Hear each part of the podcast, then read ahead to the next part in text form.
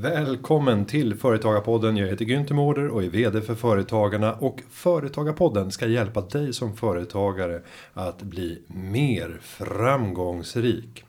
Den här veckan så ska vi eh, fundera lite grann över hur man kan tänka nytt inom bygg och hantverksbranschen.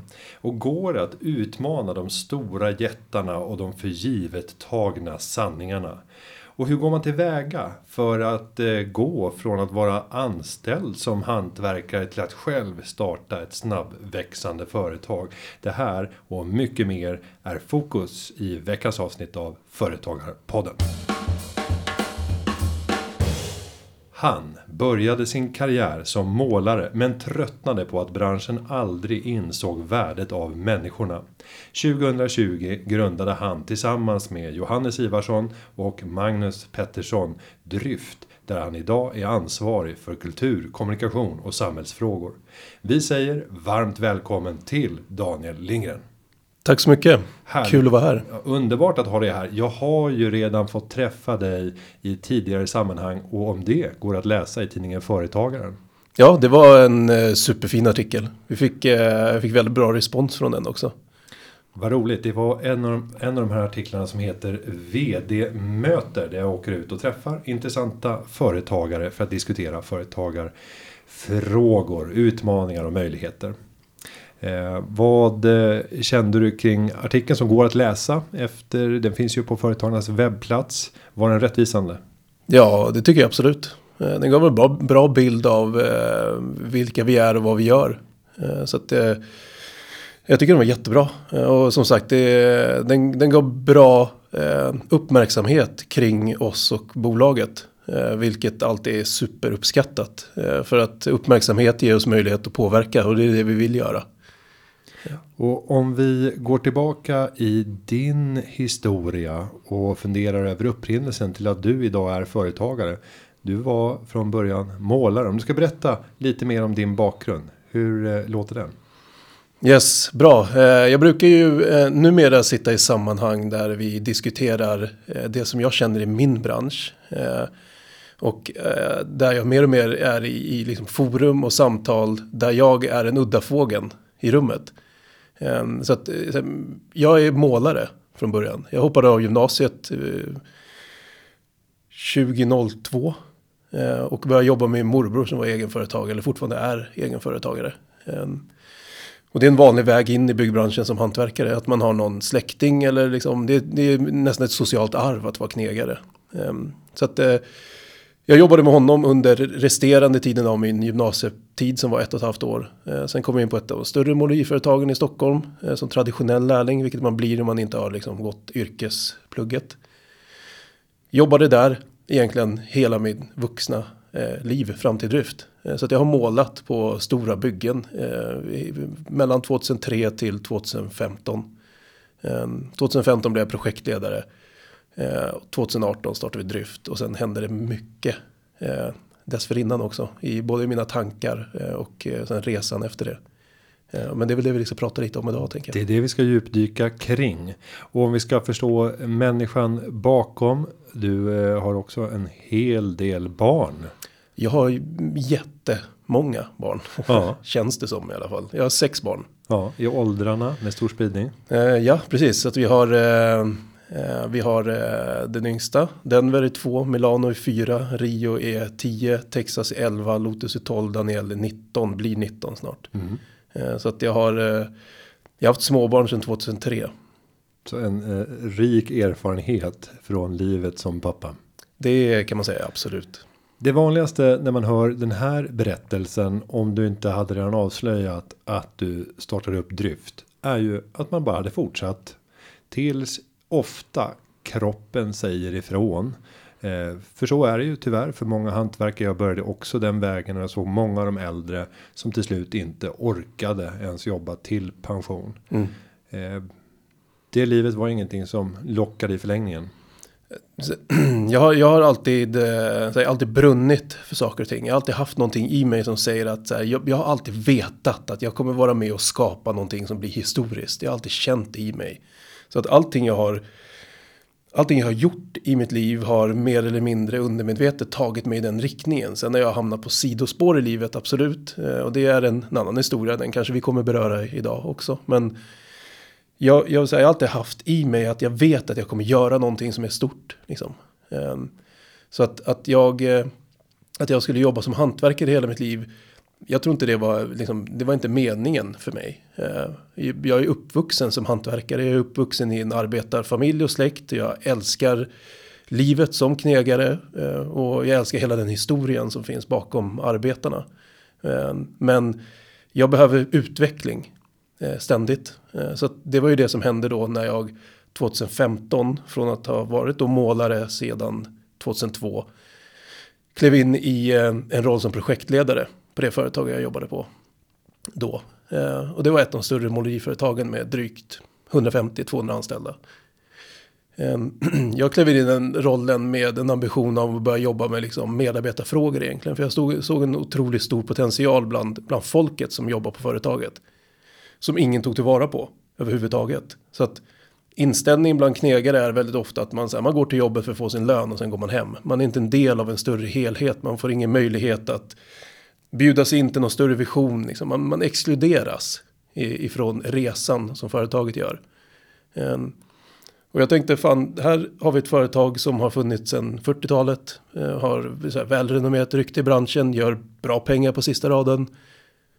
Men vi tar inte vara på kraften som finns ute i företaget. Så här, vad händer om vi kan få 150 pers att gå till jobbet med en jävla glöd varje dag?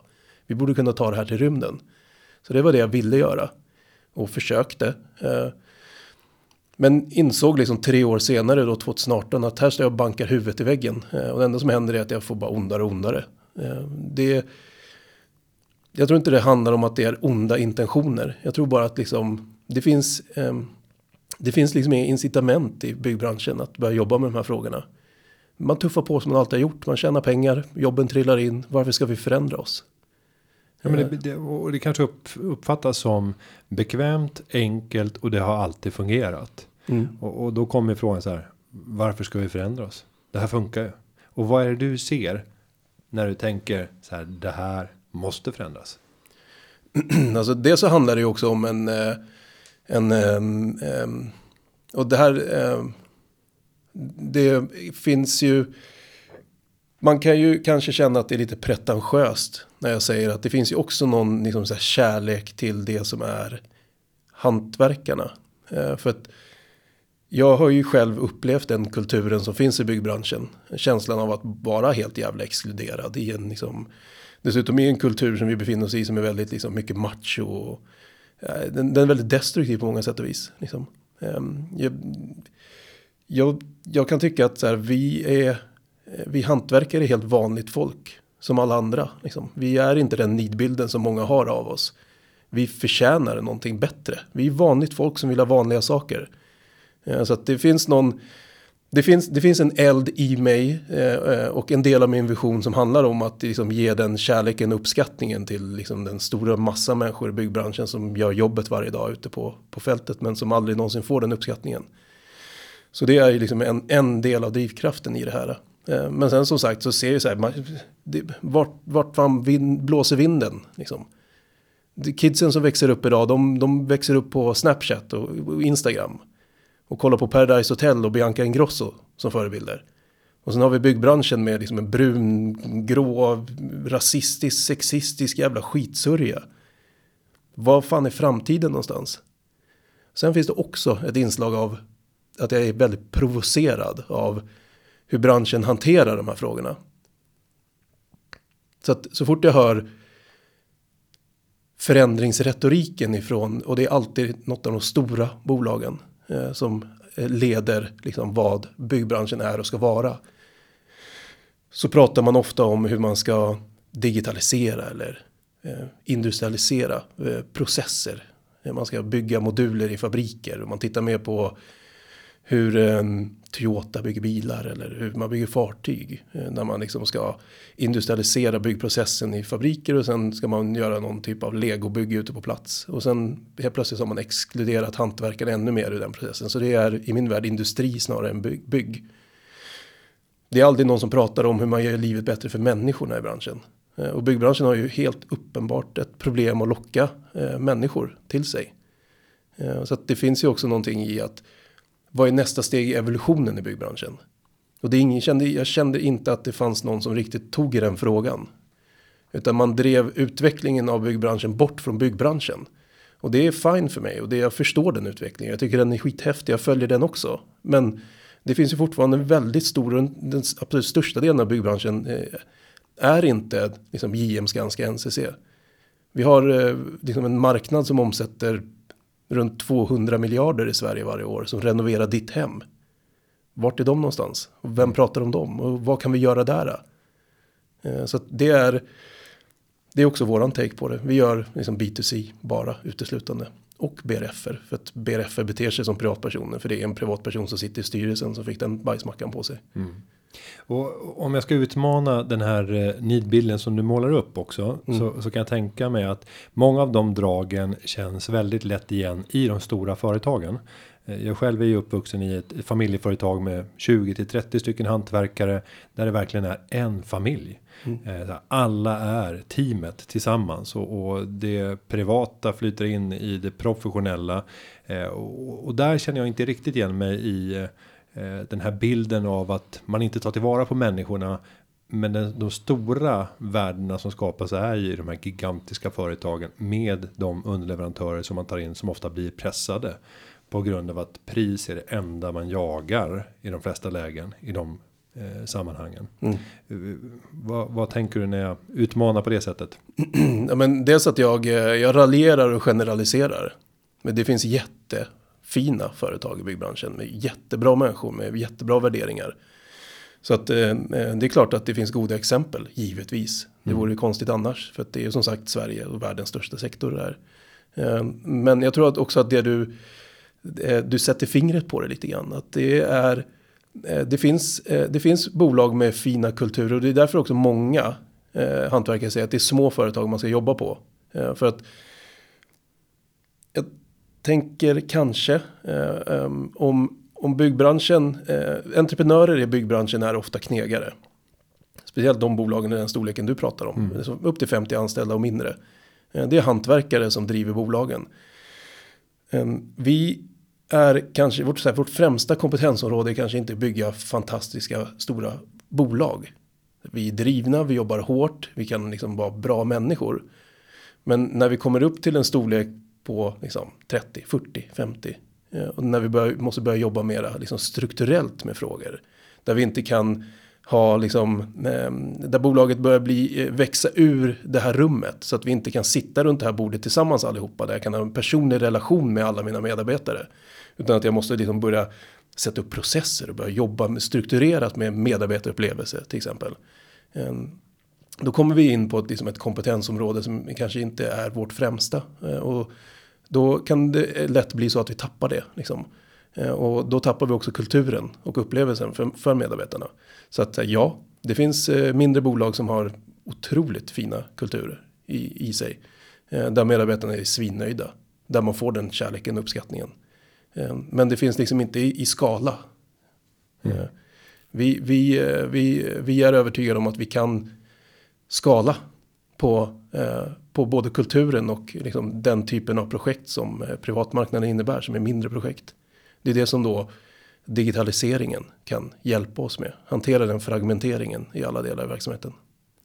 Och om vi då går tillbaka till 2018. Du har sagt upp dig från ditt dåvarande arbete och 2020 kommer du att tillsammans med två andra starta upp Dryft.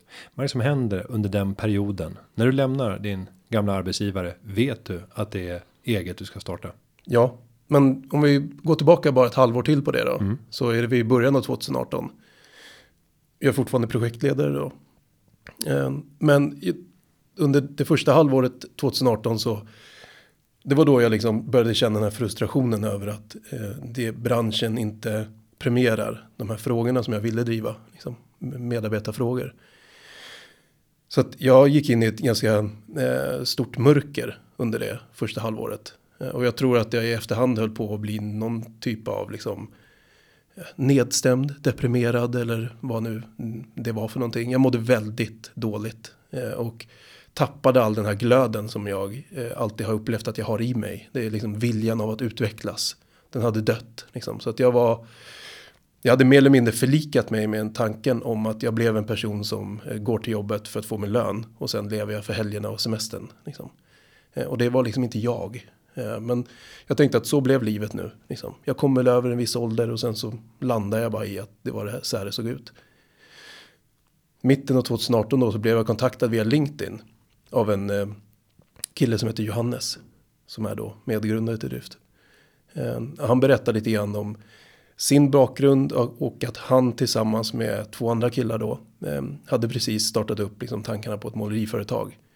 Eh, och Johannes berättade att han, han, han själv kom från liksom finansbranschen. Han höll på med något svårt engelskt ord som jag knappt fattade. Det lät bara avancerat. Och Eh, den andra killen kom från liksom startup-världen, techbolag, pluggat på svåra universitet runt om i världen och gjort massa annorlunda saker mot vad jag var van med.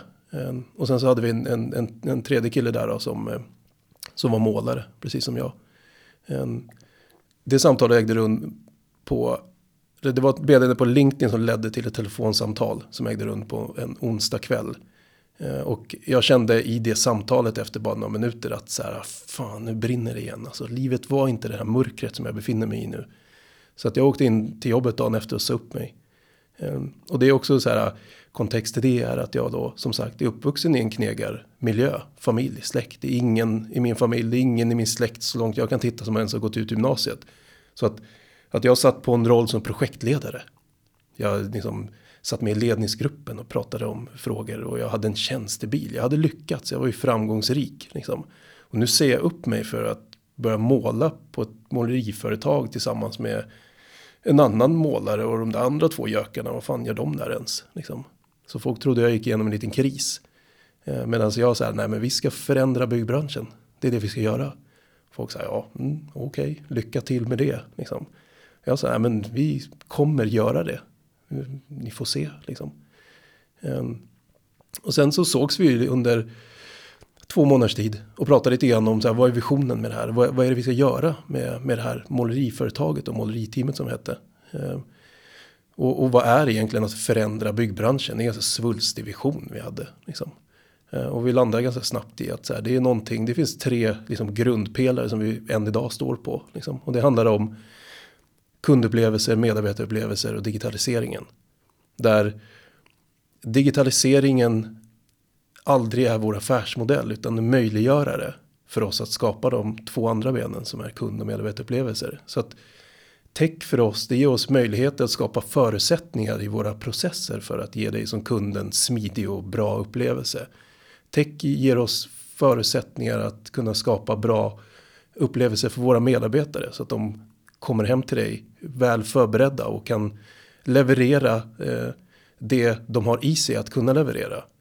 Eh, så att så här, om vi är ett techbolag eller byggbolag, det är i min värld helt orelevant. Så här, när det plingar på dörren hem, hemma hos dig klockan sju på morgonen när vi ska dra igång din renovering så är det ingen mjukvara som står där. Det är en människa. Så tech är aldrig våran primära affärsmodell utan det är en möjliggörare för oss att kunna skapa en annorlunda tillvaro för, för våra medarbetare och ge dig som kund en smidig upplevelse.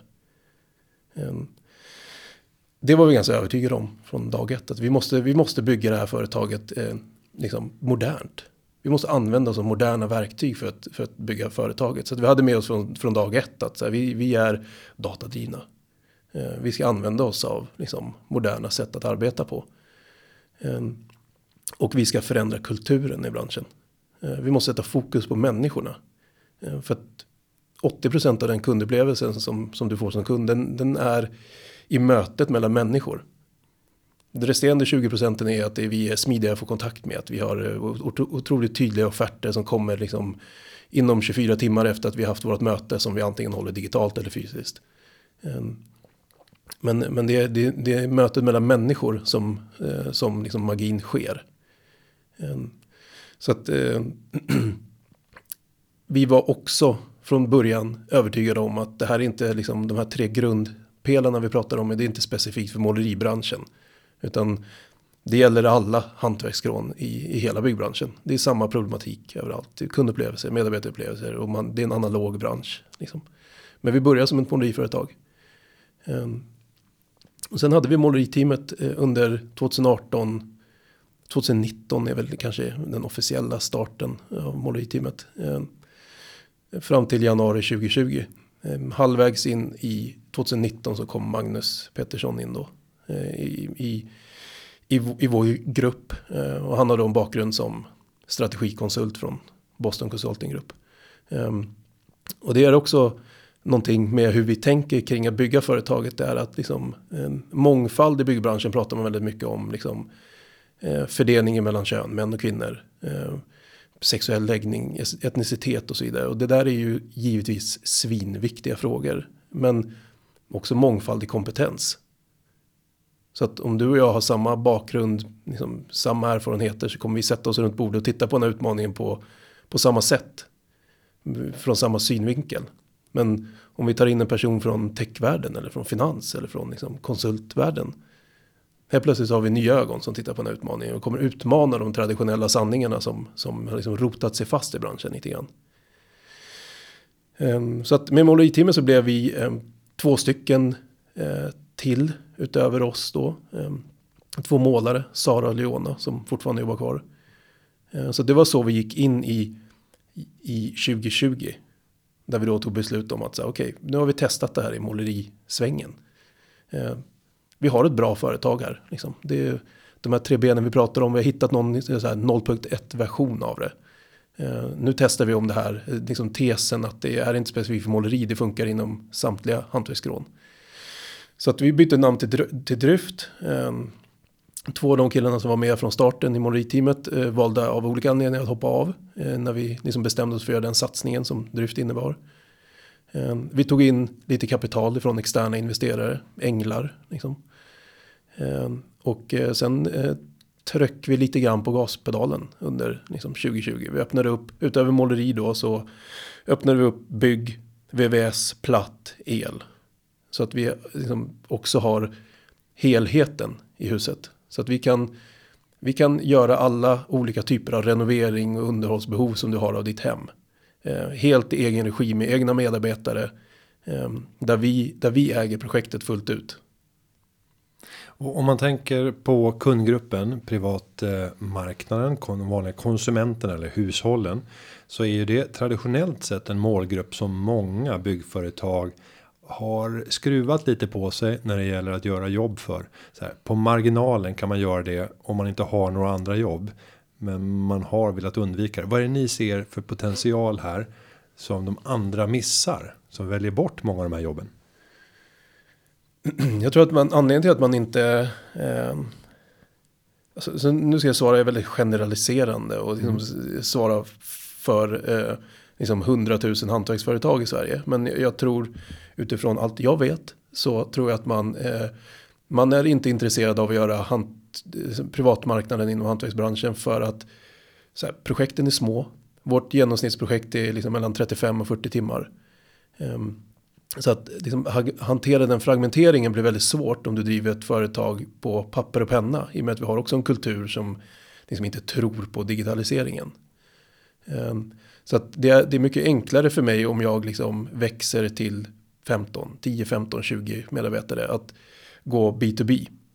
Så att jag får ett ramavtal med eh, något kommunalt fastighetsbolag eller jag eh, tar åt mig något eh, bygge, någon nyproduktion av en förskola eller någonting där jag kan liksom allokera två, tre personer i ett år. Då har jag löst resursplaneringen och kundanskaffningen för dem under det året. Det är väldigt behagligt och skönt för mig. Liksom. Eh, man har liksom inte ett CRM-system, man, man jobbar inte på det sättet. Eh, så därför så släpper man privatmarknaden. Eh, så att privatmarknaden servas ju liksom nästan uteslutande av en och fåmansbolag. Mm. Ehm, och de en och fåmansbolagen är man duktig, vilket många är. Ehm, Likt min morbror då, om jag relaterar till honom. Han, han har återkommande kunder sedan han startade 1994. Hans kalender är alltid fullsmockad. Liksom minst ett halvår framöver. För att han gör svinbra jobb. Han är jätteduktig, professionell, punktlig. Så, här, så många är. Så att han har ju liksom noll incitament med att börja jobba med saker och ting som marknadsföring eller så här, han, han, han behöver liksom inte göra mer än det han gör för att han, jobben kommer in. Han har ett bra nätverk, han, liksom, rekommendationer, återkommande kunder försörjer honom. Liksom. Um, vi tror att vi kan liksom skala på den marknaden.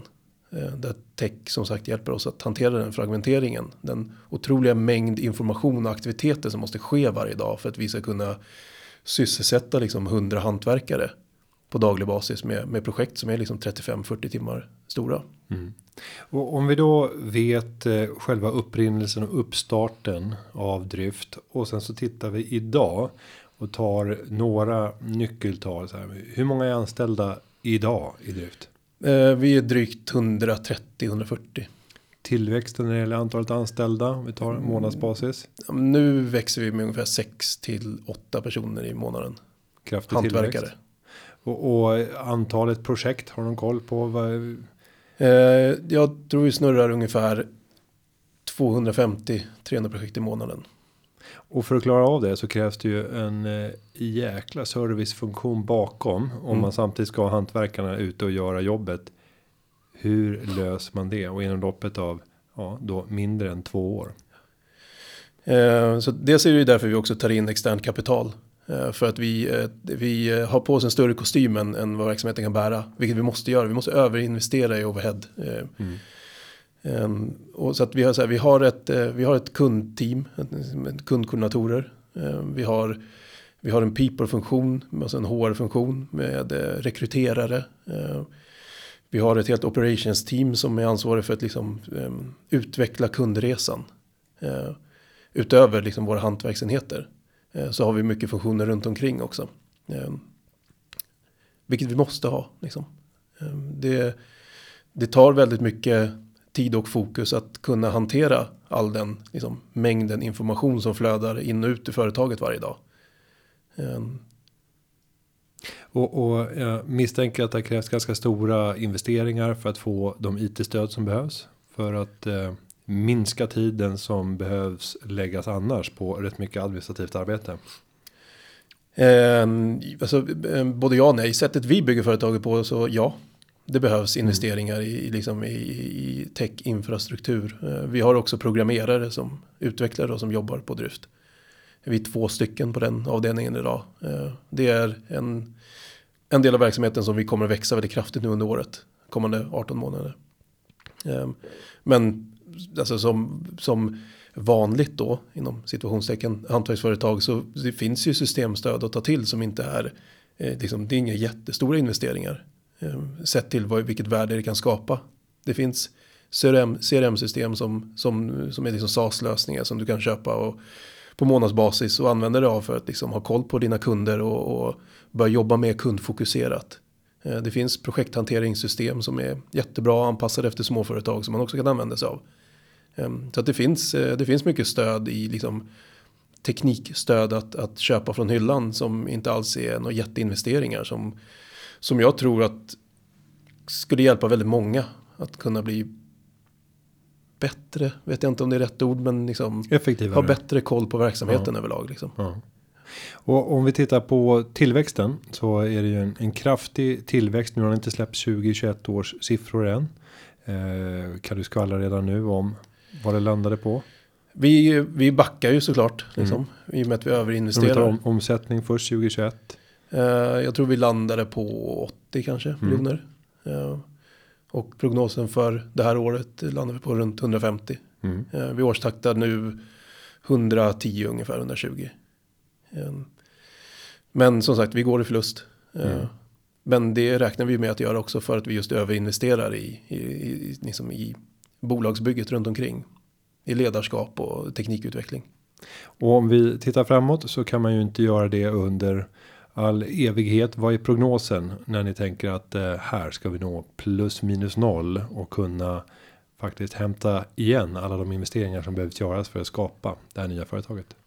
Eh, alltså vår, vår underliggande business, vår hantverksprojekten, de är ju lönsamma. Mm. De går jättebra, vi har fina marginaler. Vi har också, vi har, eh, vi har ökat vår bruttovinstmarginal med 20% varje kvartal de senaste fem månaderna. Eller fem kvartalen. Och Eh, vi har mycket mer att hämta på marginalen där också genom att exempelvis ta en större del av affären. Eh, så att eh, istället för att du åker till Balingslöv och, och, och, väljer ett kök så kan vi vara den aktören som tar ett kliv in tidigare i kundresan och, och också är återförsäljare av produkter. Eh, vi håller också på att e-kommersialisera eh, och produktifiera köpet av hantverkstjänster så att det blir mer likt en upplevelse om du köper mat eller kläder idag. Eh, så kan vi också paketera, vilket vi gör nu också. Vi har börjat testa det här inom laddboxar och, och enklare VVS-installationer som byta blandare och toaletter och så vidare. Där du eh, via en chatt i, i chattbot eller via en, liksom en webbsida, en, en e-handel på vår hemsida. Eh, gör dina val eh, av produkten och, och de tillbehören du behöver ha. Eh, och, i, i, liksom samma flöde så kan du också när du checkar ut och boka in installation. Så du har ett fast pris eh, där du själv då bokar in i kalendern vilken dag du vill att vi kommer och, och installerar den här produkten eller utför den här tjänsten. Liksom. Eh, och det bokas direkt in i hantverkarens kalender. Vi dyker upp den dagen, den torsdagen klockan nio och installerar den där blandan eller laddboxen eller vad det nu kan vara. Helt utan mänsklig interaktion. Ehm, och dessutom i den typen av projekt som är så pass små så är ju priskänsligheten i princip obefintlig. Liksom. Ehm, så att ehm, och den, den delen, vår, vår e-handel eh, av liksom produktifiering och e-handel av hantverkstjänster står idag ungefär för 2-3% av verksamheten. Vi tror att om, ehm, om ett par år så eh, är, är den siffran snarare 30%. Och där har vi liksom bruttovinstnivåer som är 4-5 gånger vad branschen levererar i liksom bäst i klass. Och om vi eh, tittar på att ta in riskkapital och göra det i tidigt skede. Ni gjorde det redan vid uppstarten av det nya Dryft och, och ni är ute nu. Är det tredje? Ja, det är, rundan. Eh, ja, det är tredje rundan så ja. att vi har två, två vänder av eh, riskkapital från eh, affärsänglar, Friends and Family, alltså mm. nätverk och, och blandning av liksom änglar som, som eh, människor som, som har eh, en extra slant över och de gärna investerar i intressanta bolag. Eh, jag tror att det kände du till lite grann, du gör väl också mm. något liknande. Mm. Eh, så att, det, hur, hur, resonerar du som entreprenör där? Att ta in externt kapital, täppa en del av, av kontrollen över bolaget och också framtida förtjänster som kan skapas av bolaget. Men som också möjliggör en annan resa. Hur har dina tankar gått? När det gäller att ta in extern finansiering? Um, så att och, och så länge inte jag sitter på alla de miljoner som vi behöver ha för att eh, liksom göra den här resan så är det precis som alla andra byggstenar i företaget ett, eh, liksom för oss ett måste för att kunna skapa det vi vill. Um, jag, jag, eh, jag är inte på något sätt liksom orolig eh, för att liksom tappa kontroll eller eh, jag är heller inte girig att jag ska ha hela kakan. Eh, det är, det är också inte heller liksom drivkraften. Eh, jag förstår att om, om vi lyckas med Dryft så kommer eh, jag och många med mig bli svinrika. Men här, det är nog trevligt att vara det, har jag aldrig varit. Men det är inte det som får min eld att brinna varje dag. Ehm, så att jag är bara otroligt tacksam över att det finns människor som, som, ehm, som vill investera i oss. Eh, det är en förutsättning för att vi ska kunna göra det vi gör. Eh, och personen som var inne väldigt tidigt i resan när det inte fanns någonting annat förutom en bra idé och ett jävla driv. Det är människor som har möjliggjort den här resan vi gör nu och jag känner bara tacksamhet mot det. Ehm, den här rundan vi är ute på nu som i någon typ av startup-termer kallas för A-runda. Det är en helt annan typ av investerare, en helt annan typ av liksom affär. Ehm, nu tar vi in 120 miljoner. Ehm, där är det, där är det ju, eh, där kan man börja prata om liksom balansen, maktbalans och, och eh, liksom inlåsningseffekter och så vidare. Liksom. Men jag tror samma sak där. Eh. Vi vill, vi vill generellt sett jobba med oavsett om du är liksom rörmokarlärling eller om du är rekryterare eller om du är en stor institutionell liksom, investeringsaktör så vill vi jobba med folk som delar vår vision. Ehm, Givetvis så finns det ju eh, saker och ting man måste ha koll på i avtalen. Men, men jag tror att eh, liksom värdet i det vi gör också det är, det är ju glöden och passionen i människorna i drift. Eh, om det är någon som vill komma in och kladda där. Så här, då har man gjort en felinvestering. För att det är vi folket som gör jobbet varje dag. Det är vi som tar det här till månen. Så det finns ju alla incitament att se till att vi också lyckas ta det här till månen. Sen så har vi grundare också fortfarande majoritet i bolaget. Och om vi eh, skulle dela med oss av eh, några tips till lyssnarna när det kommer till att ta in externa ägare och därmed möjliggöra helt andra saker. Eh, man kan snabba på en resa, göra den större.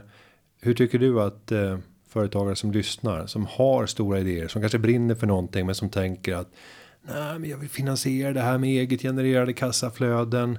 Jag vill inte ta de där riskerna. Vad är dina tips när man tänker de här tankarna? Eh, vad vill du skicka med?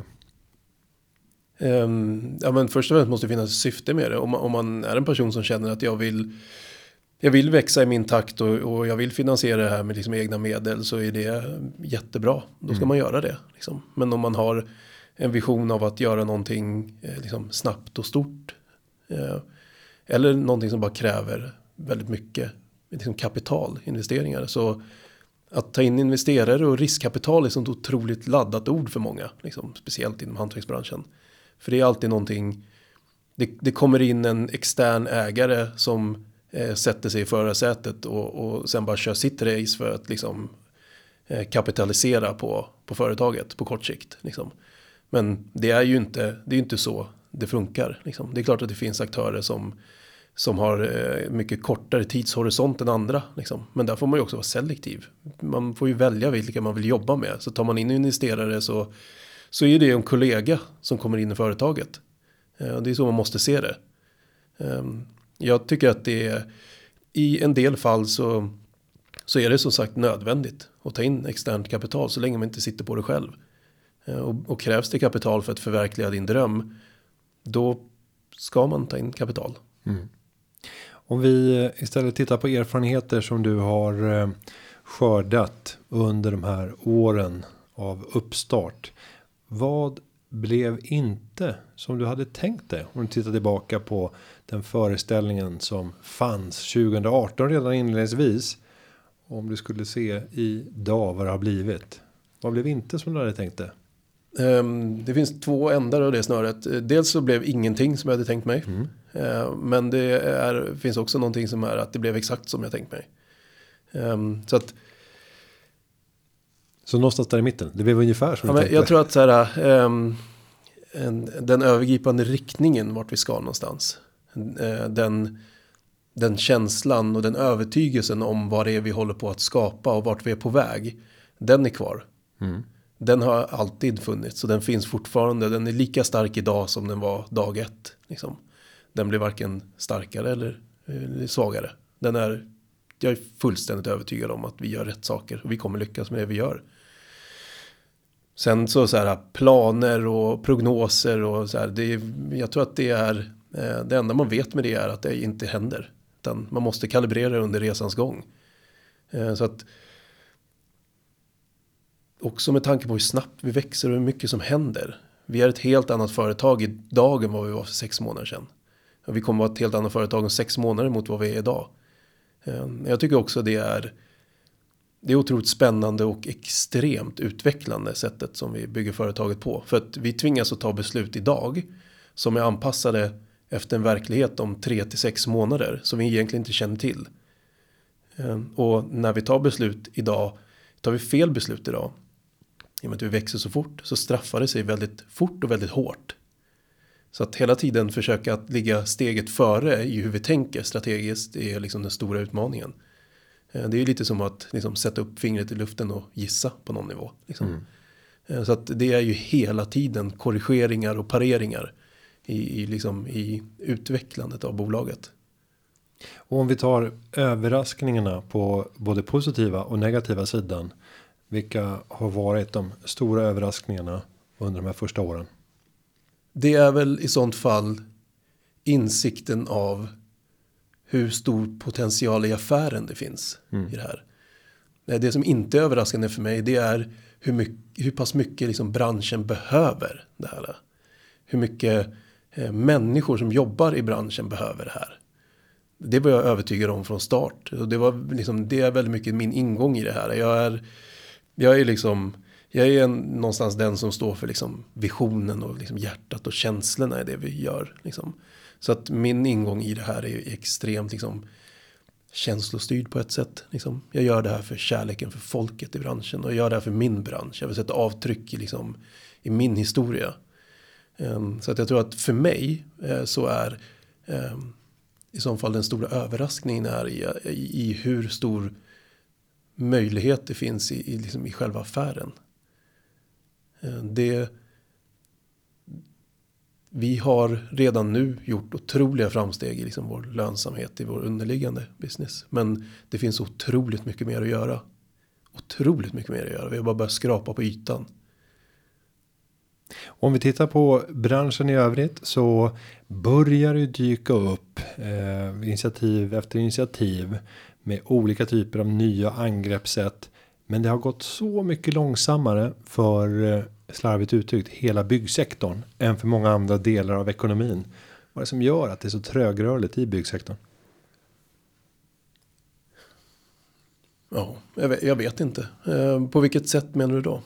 När det, om vi tittar på många andra branscher så har ju de helt tvingats transformera sig och vi ser mm. att nya aktörer har tagit över där gamla fick ge upp på grund av att man hade en annan affärsmodell. Mm. Om vi tar de, de tidigaste så kan man väl säga att alla olika typer av medier, mm. allt ifrån eh, skivbolagen till producenter av skivor till hela eh, om vi tar mediadelen, de tryckta tidningarna. Så många av de här branscherna var ju tidigt ute redan i slutet på 90-talet och fick omforma hela sin affärsmodell. Mm. Eh, och sen har vi sett bransch efter bransch som tvingas göra anpassningar. Nu kommer nya aktörer mm. som tar den gamla affären. Några klarar att ställa om, andra inte. Mm. Men inom bygg så har man, tycker jag, sett att man kan fortsätta verka på det gamla sättet. Och det fungerar fortfarande idag. Men jag ser fler och fler initiativ som kommer nu som vill utmana och ni är mm. en av dem. Eh, men det verkar någonstans som att byggsektorn har varit mycket långsammare än många andra delar av, av ekonomin. Ja, byggsektorn är väl den lägst digitaliserade branschen av alla branscher egentligen. Mm. Eh, som du säger, jord, alltså jordbruk, fintech. Jordbruk är jätteintressant att titta på. Ja. För det handlar också om ett hantverk, mycket maskininslag, mm. större investeringar per maskin. Mm. Men titta på en gård idag jämfört med för fyra år sedan. Mm. Eller det, för, var ju datahallar. Inte för fyra år sedan, men om vi tar för 20 år sedan. Mm. Så, så, är det en dramatisk skillnad. Ja, verkligen. Eh, och sättet att leda lantbruket. Alltså mm. du går med din iPad. Jag var ute hos en, en eh, mjölkbonde. Och så här, det främsta verktyget det var iPaden. Mm. Eh, och den kunde följa hela mjölkproduktionen. Mm. Och kunde se alla så här, positiva överraskningar. Här är avvikelser. Visste precis hur han skulle kunna kalibrera för att optimera mm. uttaget. Då, och se till att kvaliteten var den bästa möjliga. Det finns en intressant rapport som McKinsey släppte på det där. Mm. Eh, de tittar på de olika sektorerna. Vad, hur liksom produktivitetsutvecklingen har varit i olika sektorer. Där, där är byggbranschen sist i klassen. Um, och så här, det enkla banala slag, eh, svaret på den frågan är väl att någon måste ju vara sist också. Mm. Och det verkar vara bygg. Och, och, Sverige är ju lite extremt där om vi jämför till exempel med ett land som Tyskland som liknar oss i väldigt hög utsträckning. Men om man tittar på projektlängden som det tar från att man har en idé om vad man vill göra om vi pratar nybyggnation framförallt till dess att det står färdigt. Så jag har hört allt ifrån tre till fem års längre tid mm. för motsvarande projekt och då pratar vi ofta en bostadsfastighet, flerbostadsfastighet eller en kommersiell fastighet. Eh, men att alltid tar mycket längre tid i Sverige än vad det gör i många andra länder. För att inte ens nämna om vi tar asiatiska marknader. Titta mm. i Kina. Mm. Där man kan bygga en hel stad verkar det som. Mm. Inom loppet av tiden som vi kan få upp ett flerbostadshus i en förort i, mm. i Sverige. Just Kina har vi kanske lite andra förutsättningar jag tror att, driva att det, på. Det är lite andra. Men Tyskland men, ja. vill jag ändå kunna jämföra ja. mig med. Och, och, och, ändå ha någon typ av trygghet. Um, ja, men uh, och nu är vi inne på ett område som inte är. Uh, såhär, ja, det är byggbranschen du pratar om. Mm. Men det där är inte den delen av byggbranschen vi är inne i heller. Um, men Okej, okay, det, det, det, är uppenbart att vi har liksom, det är otroligt långa ledtider, planprocesserna tar eh, för lång tid, bygglovsansökningar, mm. överklagande och så vidare. Och så vidare. Exakt vad skillnaden mellan oss och Tyskland är och vad det är som är flaskhalsar i Sverige. Vet inte riktigt. Eh, vi gör som sagt B2C. Vi gör, mm. Eh, vi, här, vi är, är vi byggbranschen eller tjänstesektorn? Liksom. Alltså vi gör, vi, gör, vi, gör, vi gör inte den typen av projekt heller. Eh, så att vi behöver inte involvera kommunen i våra projekt. För att vi målar om ditt vardagsrum eller renoverar ditt kök. Men, men sen tror jag att det, det, finns någon, det, det, det finns en eh, kulturell inslag av det där skulle jag säga också. Fackets betydelse eh, i, i, i branschen och hur liksom, historien i byggbranschen. Hur den påverkar utvecklingen idag. Liksom. Vi har fastnat i liksom, kult, en kultur och strukturer som liksom, håller branschen tillbaka. Och det är väldigt lite upplever jag i alla fall, eh, samarbete parterna emellan utan snarare liksom konflikt hela tiden. Eh, så att eh, vem driver frågorna om, eh, om utveckling i byggbranschen? Och återigen, det är ingen som pratar om privatmarknaden Mm. och det är ingen som pratar om hantverkarna. Så att jag har också eh, jobbat på stora byggprojekt och sett de olika typer av initiativ i då digitaliseringens liksom, famn. Där man ehm, kliver in och ska digitalisera en del av liksom en, en analog process. Så att här, här har vi en eh, digital besiktningsapp eller en digital eh, besiktnings eller förlåt en digital eh, arbetsmiljöapp för skyddsronder till exempel. Men man tänker liksom aldrig på att involvera slutanvändaren, alltså hantverkaren ute på plats. Så att jag befinner mig fortfarande i en kultur där, där mitt företag som jag jobbar på, som är frikopplat från det här jättestora företaget som äger projektet, jag får inte ens en telefon av dem. Eh, Det är ingen som förklarar för mig värdet av att behöva ta upp min telefon i fickan varje dag och fota den här arbetsmiljörisken eller klicka på den här knappen i appen. Här, jag ser ingen värde av det, jag förstår inte varför. Eh, Det är ingen som har förklarat det för mig, det är ingen som har involverat mig i den förändringsresan det innebär. Eh, Jag har liksom inga incitament att göra det överhuvudtaget för jag går till jobbet och får min lön, sen går jag hem. Och jag är lojal mot mig själv och de jag sitter med runt fikabordet. Så att jag struntar i att ta upp den här telefonen och göra den appen. Så jag går fortfarande runt med papper och penna och, och bockar av punkter på besiktningsprotokollet. Ehm, Det är också en, en insikt som jag tycker branschen saknar. Att man liksom involverar inte människorna i den. Eh, Så länge du inte jobbar på huvudkontoret. Och sen tänker jag också på hur man har slagit vakt om olika yrkesgrupper inom branschen. Och att det där har hämmat utvecklingen när det kommer till att skapa en bättre upplevelse för kund. Jag ser bara själv. Jag byggde upp ett väldigt stort intresse när jag var ute på byggena kring gipsbruk som jag älskade och, och jag blev rätt duktig på det. Men det, var, det är ju målarens uppgift. Så här, det är förstadiet när det är alldeles för stora skador. Då går vi först på med gipsbruket innan vi går på med sandspacklet. Och då tänkte jag så här, varför ska vi vänta på målaren? Om jag tycker att det här är roligt och är dessutom rätt duktig på det. Kan vi inte göra det jobbet? För vi har torktider förknippat med det här som gör att målaren behöver inte ens komma hit. Och så fick jag någon utskällning. För det där är målarens jobb. Och det är, vi går på löpande räkning här och går på timmar. Och då får inte de sina timmar. Så, men det är hål i huvudet utifrån kundens perspektiv. Om jag kan göra det här på marginalen med en timmes arbete. Istället för att någon ska ta sig från en annan byggarbetsplats. För att komma hit och göra jobbet och sen resa tillbaka. Och det är mindre än en timmes jobb för en målare. Men det kommer gå åt fyra timmar åt dem. Och sen är det torktider. Nu kan vi snabba på. Så nästa gång de kommer då kan vi börja sandspackla. Då kan vi vara färdiga med rummet kanske en dag tidigare. Så här, varför gör vi inte det här? Nej, men det är avtalat och då är det både avtalen och också hur olika andra avtal. Vem får göra vad? För det är nästa sak. Det är inga riskmoment förknippat med just eh, gipsbruket. Men börjar vi prata om elektrikerns arbete, VVS arbete. Ja, då är det ju väldigt mycket inlåsningar kring vad man får göra. Så den här allkunnande hantverkaren som egentligen klarar av allting har ju väldigt sällan behörigheten att få utöva sin kompetens. Det måste vara svårt för er när man Ja. jobbar i komplexa projekt och har väldigt olika många moment som ska göras. Och, och nu blir ju då den liksom, ehm, kulturella och strukturella utmaningen i branschen tredimensionell när vi pratar om det här. Eh, För det finns också, utöver att det är en övergripande strukturell och kulturell eh, problematik i byggbranschen så är den också liksom ner på, på nivån mellan hantverksskråna. Eh, Så att vi har också en uppdelning mellan snickaren och målaren och målaren och elektrikern och golvläggaren och etc. Ehm, Men det är just också därför vi säger att vi ska vara liksom en one-stop shop. Vi ska ha alla kompetenser i huset. Där alla eh, liksom hantverkare hos oss är kollegor med varandra. Så att det är, för oss så finns inte de här gränsdragningarna i vad, vart tar snickarens jobb slut och vart tar målarens jobb vid. Utan som du säger, om, om snickaren står på projektet och det behöver lappas innan målaren kan påbörja sitt. Eh, då gör snickaren det. Eller om vi har flera yrkesgrupper på plats och någon behöver hjälp med någonting Eh, då hjälps man åt. Liksom. Eh, sen finns det ju saker och ting i det där också med liksom, eh, fackets tradition i, i, i branschen. Att mm, man, man får inte heller vara inne och kladda för mycket på varandras arbetsområden. Eh, utan det är liksom skråtänket är väldigt djupt rotat. Liksom. Men eh, om, om, vi bara kan ha liksom ett fint samarbete mellan, mellan hantverkarna där alla är kollegor och inte är liksom, eh, motparter till varandra i projektet. Och de här gränsdragningarna inte finns. För att det är, det är ett dryftprojekt med dryftfolk. Mm. Då, då kan vi få ett, en helt annan typ av samarbete också. Ja, det är mycket att eh, angripa i branschen som går att göra mer effektivt och skapa en häftigare användarupplevelse, göra det bättre för människorna som ska göra det. Om vi skulle sitta här om fem år och du får avslutningsvis beskriva skapelsen dryft.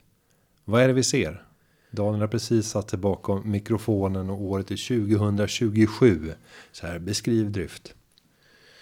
Eh, då blir det abstrakt. För att de, eh, här, vi, eh, vi kommer vara ett väldigt stort företag. Vi är etablerade i hela Norden.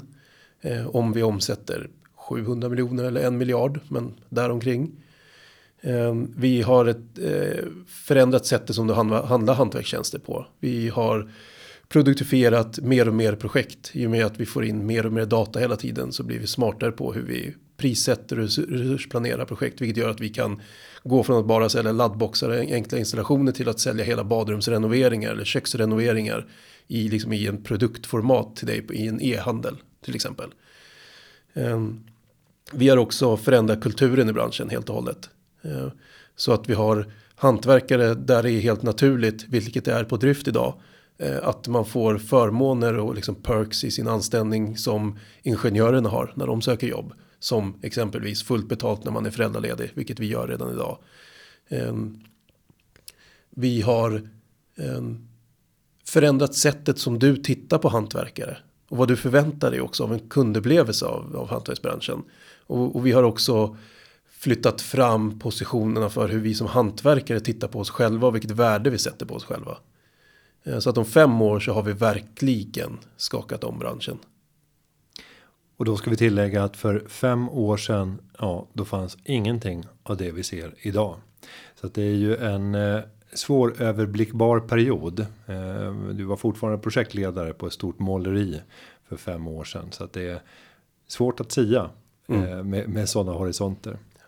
Men Daniel Lindgren, jag vill säga stort tack för att du kom till Företagarpodden och delade med dig av din resa och allt som Dryft arbetar med. Ja, tack själv. Det var kul att vara här.